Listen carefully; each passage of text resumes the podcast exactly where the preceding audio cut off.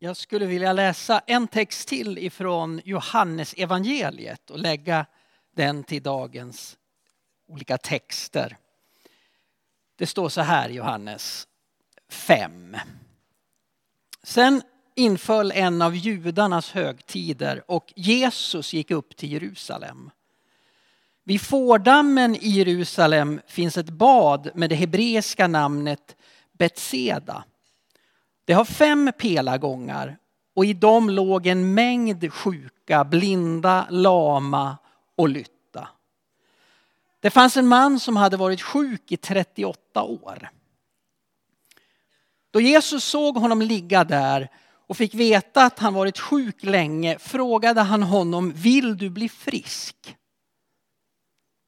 Den sjuke svarade, Herre, jag har ingen som kan hjälpa mig ner i bassängen när vattnet börjar svalla. Medan jag försöker ta mig dit hinner någon annan ner före mig. Jesus sa till honom, stig upp, ta din bädd och gå. Genast blev mannen frisk och tog sin bädd och gick. Det finns en del mer eller mindre krångliga namn i Bibeln. Hesekiel, Nahum eller varför inte Habakuk med sin CK-stavning. Räcker med att läsa julevangeliet för att snubbla, snubbla på när Quirinius var ståthållare i Syrien. Eller texten vi läser på pingstdagen från Apostlagärningarnas andra kapitel där parter, meder, elamiter nämns. Och det förekommer folk från Mesopotamien, Kappadokien, Frygien och Pamfylien. Och det står dessutom om kretensare. Men det namn som jag personligen har allra svårast för att uttala det är nog Betesta. Ni ser, jag fick det fel ens fast jag skulle försöka förklara hur svårt det är. Betesta. Varje gång jag försöker säga det så blir det gärna Betseda. Och jag tror att det har med Betsaida att göra, eller Betsaida som ju frekvent återkommer i Nya Testamentet. Nej, Betesta är inte en ort i norra Israel som Betsaida är, utan ett bad innanför stadsmuren i Jerusalem. Inför och under höstens resa till Israel-Palestina så läs, läste jag en rad olika böcker som gav olika insikter och uppenbarelser om det dagspolitiska läget, om geografin, om Bibelns berättelser. Och den kanske allra bästa, eller i alla fall mest underhållande boken jag läste var skriven av en jesuitpräst som heter James Martin. Titeln på boken är Jesus, en resa genom hans liv. Och det var extra roligt, eller det som var extra roligt med just den här boken, det var att han efter ett ganska långt liv som jesuitpräst för första gången besökte det heliga landet. Precis som jag efter ett ganska långt liv som pastor för första gången också fick vara på plats. Och även om hans resrutt inte var exakt samma som vår så besökte han de flesta av de historiska bibliska platserna som också vår resgrupp härifrån BK besökte. Och väldigt ofta gav han i den här boken träffande beskrivningar av platserna. Beskrivningar som jag väl kände igen mig i. James Martin han var inte alltid så imponerad av trängseln, av köandet, av kommersen. Men så träder en plats fram i boken som en favoritplats för jesuitmunken bland alla de olika bibliska platserna. En plats där det fanns möjlighet till stillhet, till tillbedjan på ett helt annat sätt än på de flesta andra platserna. Så dit återkommer James flertalet gånger under sin tid i Jerusalem i den här boken. Nu var det här en plats som inte var inplanerad i vårt reseschema. Och nämligen som du redan har förstått, Betestadammen. Men eftersom vår resa blev några dagar längre än vad vi ursprungligen hade tänkt på grund av flygpriser och, och förbindelser så hade vi en del luft i schemat, inte minst under våra dagar i Jerusalem. Så jag bestämde mig för att dit var jag helt enkelt tvungen att gå.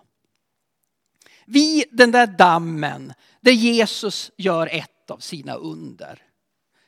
Endast ett av sju under som beskrivs i Johannes evangeliet. För Johannes han berättar sin berättelse på ett lite annat sätt än de andra evangelisterna. När till exempel Markus beskriver Jesu under så kan det till exempel stå så här som i Markus 6 och 56. Och i alla byar och städer och gårdar som han kom till la man den sjuka på de öppna platserna och bad honom att de åtminstone skulle få röra vid tofsen på hans mantel. Och alla som rörde vid honom blev botade. Markus, han går liksom igång på massmöten. Han går igång på det storslagna. Johannes å andra sidan, han berättar bara om sju under i hela sitt evangelium. Sju under. Jag tror att Matilda lägger upp dem snart på väggen. Och dessutom kallar Johannes inte heller detta för under. Utan snarare för tecken. Det är tecken på vem Jesus är som Johannes beskriver. Och det som är lite speciellt med badet vid Betesda, det är att ända in på 1800-talet så trodde många bibelforskare att platsen inte existerade. För man hade ju inte hittat den. Just den här berättelsen och den här platsen nämns bara i Johannes evangelium. Och eftersom ingen visste var den låg så ifrågasatte en del trovärdigheten i Johannes skildring. Vissa trodde att historien helt enkelt var påhittad. Eller att den var en slags allegori. De fem pelargångarna kanske symboliserade de fem Moseböckerna. Så tänkte en del. Men så i mitten av 1900-talet så gjordes utgrävningar i Jerusalem som inte bara hittade ett bad utan hittade ett bad som stämde överens med Johannes beskrivningar. Arkeologerna fann en bassäng med fyra pelarrader runt om och en pelarrad rakt igenom. Och det som slog mig när jag vandrade omkring vid badet, det var hur stort det här området var. Eva och Per var också med. Tänk dig platsen för äventyrsbadet på Furuvik. Ungefär så stort. Här fanns en rad olika bassänger och varma källor. Den här platsen måste ha samlat massor av människor på Jesu tid som var sugna på att tvaga sig. Till det här badet kommer alltså Jesus. På helt eget bevåg så vitt vi kan bedöma. Han har inte blivit kallad dit av någon och kanske promenerar han helt enkelt in genom stadsporten och hör uppståndelsen vid badet. Temat för den här söndagen är ju hur Jesus är vårt hopp. Och Johannes han zoomar liksom in i sin berättelse från den stora staden, från det stora badet, från den stora folkmassan, från den stora uppståndelsen mot den lilla mannen. En man som varit sjuk i 38 år. 38 år, det är ju en rätt väsentlig del av en människas liv. Mannen verkar inte ha haft några vänner som kunde hjälpa honom ner till vattnet, står det. För det fanns, som det verkar, en allmänt utbredd tro att de här källorna vid Betesta hade en helande effekt på en människa. Och här kan en vaken läsare lägga märke till det som står i den fjärde versen. Ingenting. Och nu önskar du att du skulle ha gjort som när du var yngre. Att du hade haft med dig en bibel till kyrkan. Eller hur? Så hade du kunnat bläddra själv och så kunde du ha tittat på texten ifrån Johannes 5 och hittat det som står i den fjärde versen. Nämligen ingenting. Ingenting står i den fjärde versen. För den fjärde versen finns inte. Den, finns inte med. Numreringen i vår bibel är vers 1, 2, 3, 5, 6. Och kanske kan också det hjälpa oss att förstå hur man såg på den här platsen. Med tiden upptäckte nämligen bibelforskarna att vers 4 inte fanns med i de allra äldsta manuskripten. Det betyder att det är ett senare tillägg. Ja, det var väl någon ambitiös munk som fått feeling och ville försöka förklara texten i Johannes för bibelläsarna. Så därför har man nu i, våra översättningar tagit bort vers 4, både i folkbibeln och i bibel 2000. Däremot fanns den versen alltså med på 1500-talet när man gjorde indelningarna i verser naturligtvis, men så långt som också till 1917 års översättning här i Sverige. Men även om vers 4 inte ursprungligen skrevs av Johannes så innehåller den ändå ett förtydligande som kan vara intressant för oss som läser om Betesda-badet idag. Så här skulle det ha sett ut om den hade funnits med. Vers 2. Vid fårdammen i Jerusalem finns ett bad med det hebreiska namnet Betesda. Det har fem pelargångar. Och i dem låg en mängd sjuka, blinda, lama och lytta. Punkt. Men så har den här munken lagt till som väntade på att vattnet skulle komma i rörelse. Ty en ängel från Herren steg då och då ner i bassängen och rörde upp vattnet. Och den första som steg i vattnet sedan det hade rörts upp blev frisk, vilken sjukdom han än hade. Punkt. Ja, det här är ju både fantastiskt och märkligt kan man ju tycka. Att en ängel skulle stiga ner och röra upp vattnet så att det fick en helande effekt. Man kan enkelt se den grymma bilden framför sig. Hur en hop desperata, sjuka människor skyndar sig allt de kan och liksom armbågar sig fram för att få en plats för att först hinna ner i bassängen när vattnet svallade. Men skulle Gud verkligen ställa lidande människor emot varann i en sån grym tävling. Ja, kanske den överambitiösa munken som fick för sig att lägga till lite i Bibeln ändå träffade rätt i vad den lame mannen och de andra sjuka vid badet faktiskt tänkte. Det var ju därför han låg just där, dag efter dag. Han väntade på att vattnet skulle komma i rörelse. Och det var därför han lite förtvivlat svarade Jesus, här är jag ingen som kan hjälpa mig ner i bassängen när vattnet svallar. Medan jag försöker ta mig dit kommer någon annan ner före mig. Alltså därför mannen var där. Han hade en kronisk sjukdom och han ville hinna först ner i vattnet. Det var hans hopp. Och det var någonting av ett sista halmstrå för mannen. Och vi vet ju inte om han har försökt ta sig ner i dammen under 38 år. Men texten andas desperation och den andas hopplöshet. Det är kört för mig. Min situation kommer aldrig att förändras.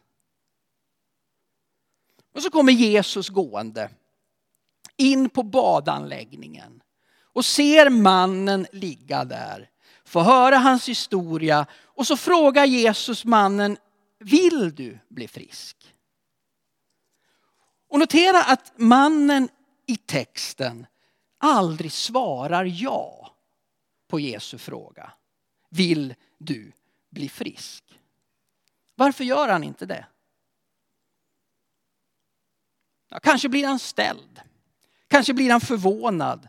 Kanske tvekar han på grund av rädsla för att bli lurad igen. Ja, vem vet? Mannen svarar Jesus med att berätta om hjälpt honom. Aldrig tidigare hade fungerat. Om de som inte hade hjälpt honom. Om alla de som hunnit före. Och det är lätt att känna igen sig i den här mannen tycker jag. Ibland vågar jag inte lita på att det finns någonting bättre för mig. Att det finns ett alternativ till min situation. Att Jesus vill mitt bästa. Så lätt att fastna i det negativa. Varför skulle det bli annorlunda den här gången? Men vi ser i texten att vi behöver inte svara liksom ett odelat ja till Jesu fråga om vi vill bli friska. Utan vi får uttrycka allt det som vi bär till Jesus. All vår bitterhet, rädsla, besvikelse, ilska över att saker är som de är. Eller inte är som de borde vara. Jesus han tål ju det. Och Jesus han vill ju veta hur vi har det. Och så kom det måndag kväll för 14 dagar sedan. Jag var tillsammans med barnen på Kungsberget och vi roade oss. Telefonen ringde i min ficka och jag bröt inte den kvällen heller mot min egen princip att inte svara i telefon när jag är ute på galej med mina barn. Men jag såg på telefonnumret att det var Urban Toms från tidningen Dagen som ringde. Jag skrev till Urban, vi hörs imorgon. Och innan jag somnade den kvällen så undrar jag, vad vill Urban Toms egentligen mig? Och när vi fick tag i varandra på tisdag eftermiddagen så insåg jag att om jag så hade gissat 200 gånger på vad Urban ville mig så skulle jag aldrig ha kunnat gissa rätt. Jo, berättar Urban, för en tid sedan så var jag i Nashville. Eh, och jag gjorde ett reportage om hur en hel hög svenska och norska musiker var samlade där för att spela in en rad tv-program, en slags ny version av Minns du sången? Och där pratade Simon Ådal med mig, säger Urban. Och han sa att jag bara var tvungen att göra ett reportage om Betlehemskyrkan i Gävle och vad de har nere i sitt förråd. Och i samma ögonblick som Urban nämnde Simon Ådal så förstod jag genast ärendet. När Simon i höstas besökte oss här för en kulturtorsdag så visade jag honom nere i källaren några av våra lårar, lådor som vi har nere i förrådet. Två stora lådor, den ena är gulaktig och den andra orangefärgad. I dessa lådor finns det sparat kryckor klockor, inlägg, käppar, korsetter i mängder. Och det som finns sparat i dessa lådor det är ett arv efter en person som hette August Åhlén. Det finns inte så mycket fakta eh, om denne Åhlén mer än att han hade en rätt så mäktig mustasch. Eh, och det lilla fakta som finns, det får ni lov att läsa om i reportaget i Dagen som snart kommer att publiceras. Men Åhlén han kom inflyttande till Gävle från Tierp och han blev aktiv i Betlehemskyrkan i början av 1900-talet. Fyra gånger ställs han inför rätta för kvacksalveri. Och sista åtalet resulterade i en fällande dom. 400 kronor i böter, vilket ska ha betalats av en grosshandlare från Medelpad. De kan vara bra att ha ibland, grosshandlare från Medelpad. Men oavsett allt detta så visar alla kvarlämnade kryckor och käppar att det hände saker bortom det ordinära kring denne August Åhlén. Det är bara att ta en titt i lådorna och förundras. Och man kan stillsamt bara undra hur många gånger skulle Jesus ha ställts till rätta för kvacksalveri om han hade verkat i vårt land i början av 1900-talet. För frågan blir med dagens text och med historiens vingslag rätt in i vår egen församling. Helar Gud människor idag. För egen del har jag sedan Urban Toms ringde tvingats reflektera mer över detta de senaste veckorna än på många, många år innan dess. Är berättelserna som den från Betesta symboliska berättelser med andliga lärdomar eller är det också berättelser om rent faktiska under och tecken som skett? Efter, Gud, ja, efter gudstjänsten, dagen innan Urban Toms ringde, så kom en av församlingens medlemmar fram till mig i samband med kyrkfikat och berättade att hon hade köpt en bok som jag skulle få låna när hon läst färdigt den. Det var Mikael Grenholms bok som heter Dokumenterade mirakler. Jag har inte läst den boken än, eh, men i boken så återger Grenholm över 50 exempel på vetenskapligt oförklarliga tillfrisknanden efter bön. Allt baserat på läkarutlåtanden och journaler. Ja, boken handlar om frågorna, sker mirakler idag? Och går de i sådana fall att dokumentera?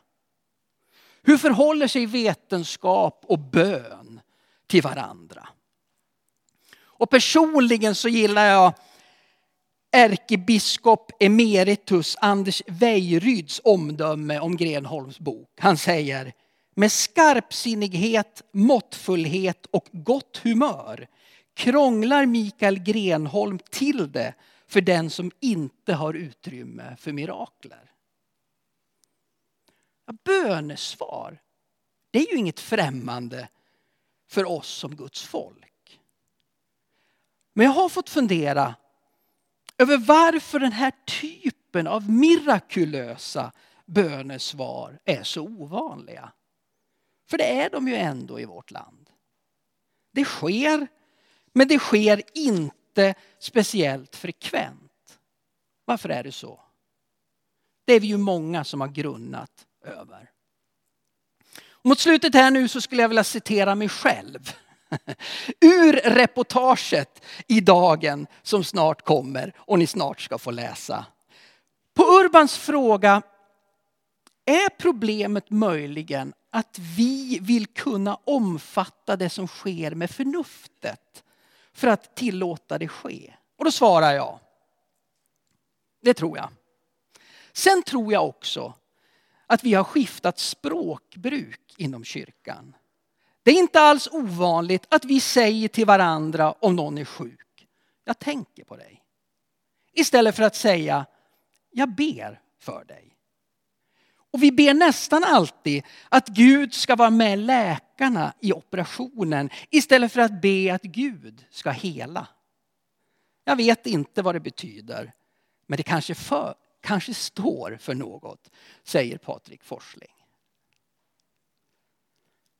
Och precis i slutet av vår förmiddag tillsammans så ställer Urban frågan, vad skulle hända om du en söndag skulle ställa upp de här två lådorna på estraden och börja predika om när Jesus helade människor? Det hade jag absolut inget svar på för den tanken hade aldrig slagit mig.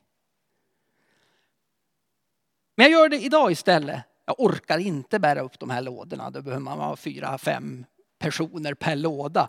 Det orkade jag inte. Men jag vill till slut i den här predikan, som ju har ställt betydligt mer frågor än vad den har gett svar, åter upprepa det som jag vid flertalet tillfällen sagt från precis den här talarstolen. Jag har sagt det när vi talat om andliga nådegåvor, när vi har talat om under och tecken, när vi har talat om det övernaturliga, att min stora längtan som pastor i den här församlingen är att detta med fysiska under och tecken skulle jag vilja koppla till församlingens gemenskap. Punkt. Inte till en person. Inte en August Åhlén eller någon annan namngiven person. Det blir i princip alltid besvärligt då. Men om det istället är den helige andes atmosfär som gör att människor blir friska mitt under församlingssången.